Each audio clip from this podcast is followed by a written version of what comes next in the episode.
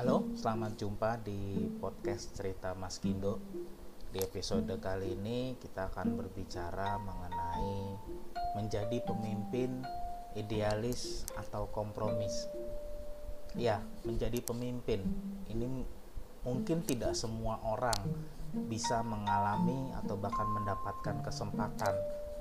Bahkan mungkin ada beberapa orang yang menghindar untuk menjadi pemimpin karena merasa tidak layak, karena merasa tidak pantas. Tetapi menjadi seorang pemimpin satu waktu pasti akan terjadi dalam hidup kita. Meski dalam lingkup yang sederhana, misalnya menjadi pemimpin rumah tangga atau mungkin menjadi pemimpin dalam kelompok diskusi dan itu pasti akan terjadi. Kita tidak bisa untuk menolak posisi dan kodrat kita yang adalah seorang pemimpin juga. Meski dalam lingkup yang sederhana. Kalaupun toh ada yang menjadi pemimpin dalam lingkup yang lebih luas misalnya pemimpin organisasi atau menjadi pemimpin dalam jabatan-jabatan tertentu itu baik. Nah menjadi seorang pemimpin tentu butuh sebuah pemikiran yang bisa dikatakan pemikiran yang luar biasa Menjadi seorang pemimpin tidak mudah, tetapi bukan berarti bahwa itu tidak bisa dilakukan. Dan dalam episode kali ini saya akan bahas mengenai pemimpin itu harus idealis atau kompromis. Kita lihat dulu mengenai idealis. Idealis ini kalau dilihat dari Kamus Besar Bahasa Indonesia itu memiliki arti sifat yang menuju cita-cita sikap hidup yang menyebabkan tidak ia tidak mudah menyerah pada rintangan. Sehingga kalau mau disederhanakan bahwa seseorang yang idealis berusaha mewujudkan cita-citanya dan tidak mudah menyerah pada rintangan. Dia akan berusaha untuk mencapai kesempurnaan sesuai dengan yang dicita-citakan tersebut. Dan bisa dikatakan ini menjadi hal yang sangat positif karena apa? Dia mau berusaha berjuang dengan segala cara meraih keinginan tanpa menyerah pada situasi apa pun. Dan pemimpin bisa kita lihat ada juga yang bersikap idealis. Seperti dalam pengertian ini. Lalu kemudian kalau kita lihat yang kedua mengenai kompromis.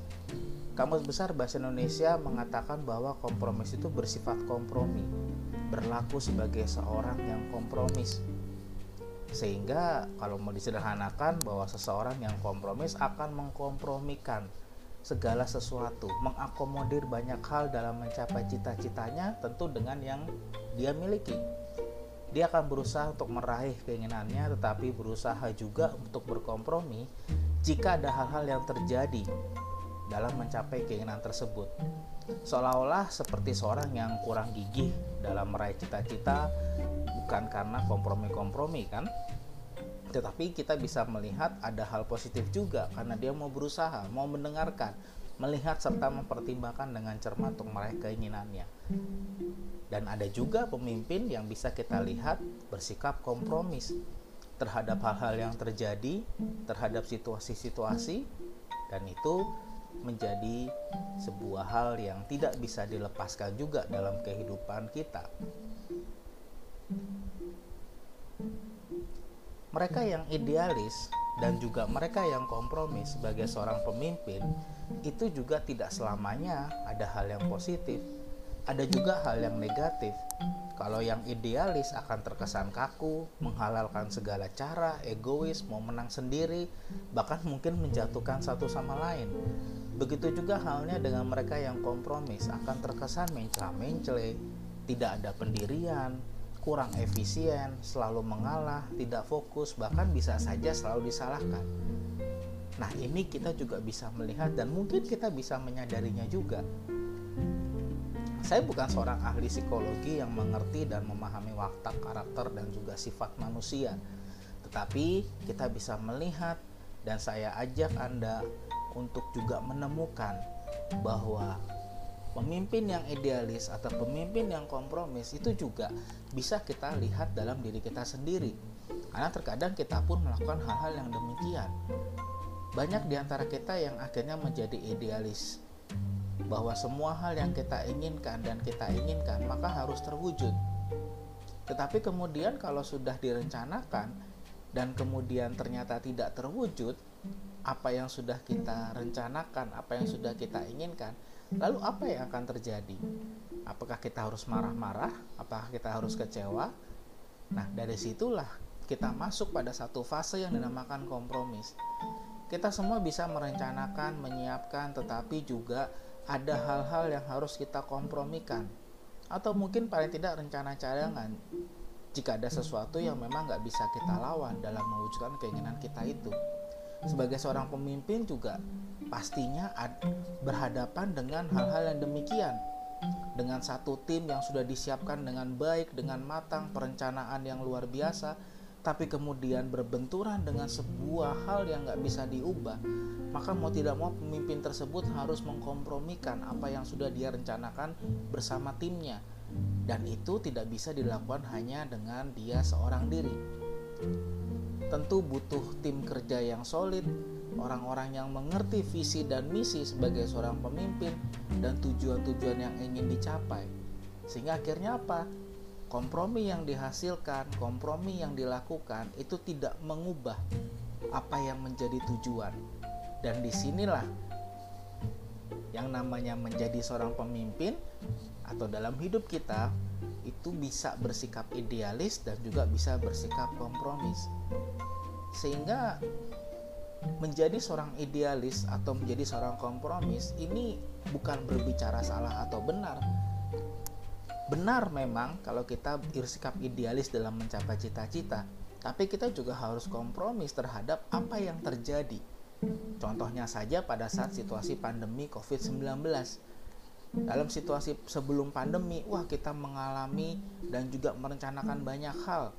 Kita melakukan ini itu, merencanakan banyak hal segala sesuatu. Tapi begitu pandemi semua berubah. Yang awalnya kita bertemu secara langsung akhirnya harus bertemu secara online. Yang tadinya sudah disiapkan sedemikian rupa akhirnya harus berubah karena tertunda gara-gara pandemi, gara-gara Covid. Dan inilah yang tadi saya maksudkan bahwa kita harus bersikap kompromis dalam menghadapi situasi pandemi ini. Bersikap idealis perlu, memang. Bahkan bagus untuk memelatih kita memiliki tujuan yang jelas dalam meraih cita-cita, apalagi kalau dikaitkan dengan kepemimpinan. Tapi perlu diingat juga bahwa segala sesuatu bisa berubah dengan sangat cepat, sehingga kita bisa bersikap kompromis untuk tetap meraih tujuan visi misi yang sudah direncanakan dengan penyesuaian-penyesuaian. Apakah salah? Sekali lagi bukan berbicara salah atau benar, tapi kita memang harus siap dengan kondisi tersebut. Apalagi ditambah dengan hal-hal yang tidak kita tentukan. Kita maunya begini tapi ternyata situasinya begitu. Rasul Paulus dalam salah satu kitab suci di Perjanjian Baru pernah mengatakan kalimat yang cukup menarik yaitu fortiter in re suaviter in modo tegas dalam prinsip tetapi kemudian luas dalam melaksanakan atau meraih prinsip tersebut dan ini bisa kita terapkan sebagai seorang pemimpin kita punya idealis, kita punya keinginan, kita punya cita-cita, visi misi yang jelas bersama dengan tim ataupun pribadi yang memang kita ingin capai. Tetapi kita juga harus bersikap kompromis, kita harus luas dalam meraihnya. Kalau ternyata kita menggunakan cara A dan ternyata cara A tidak bisa, kita gunakan cara B.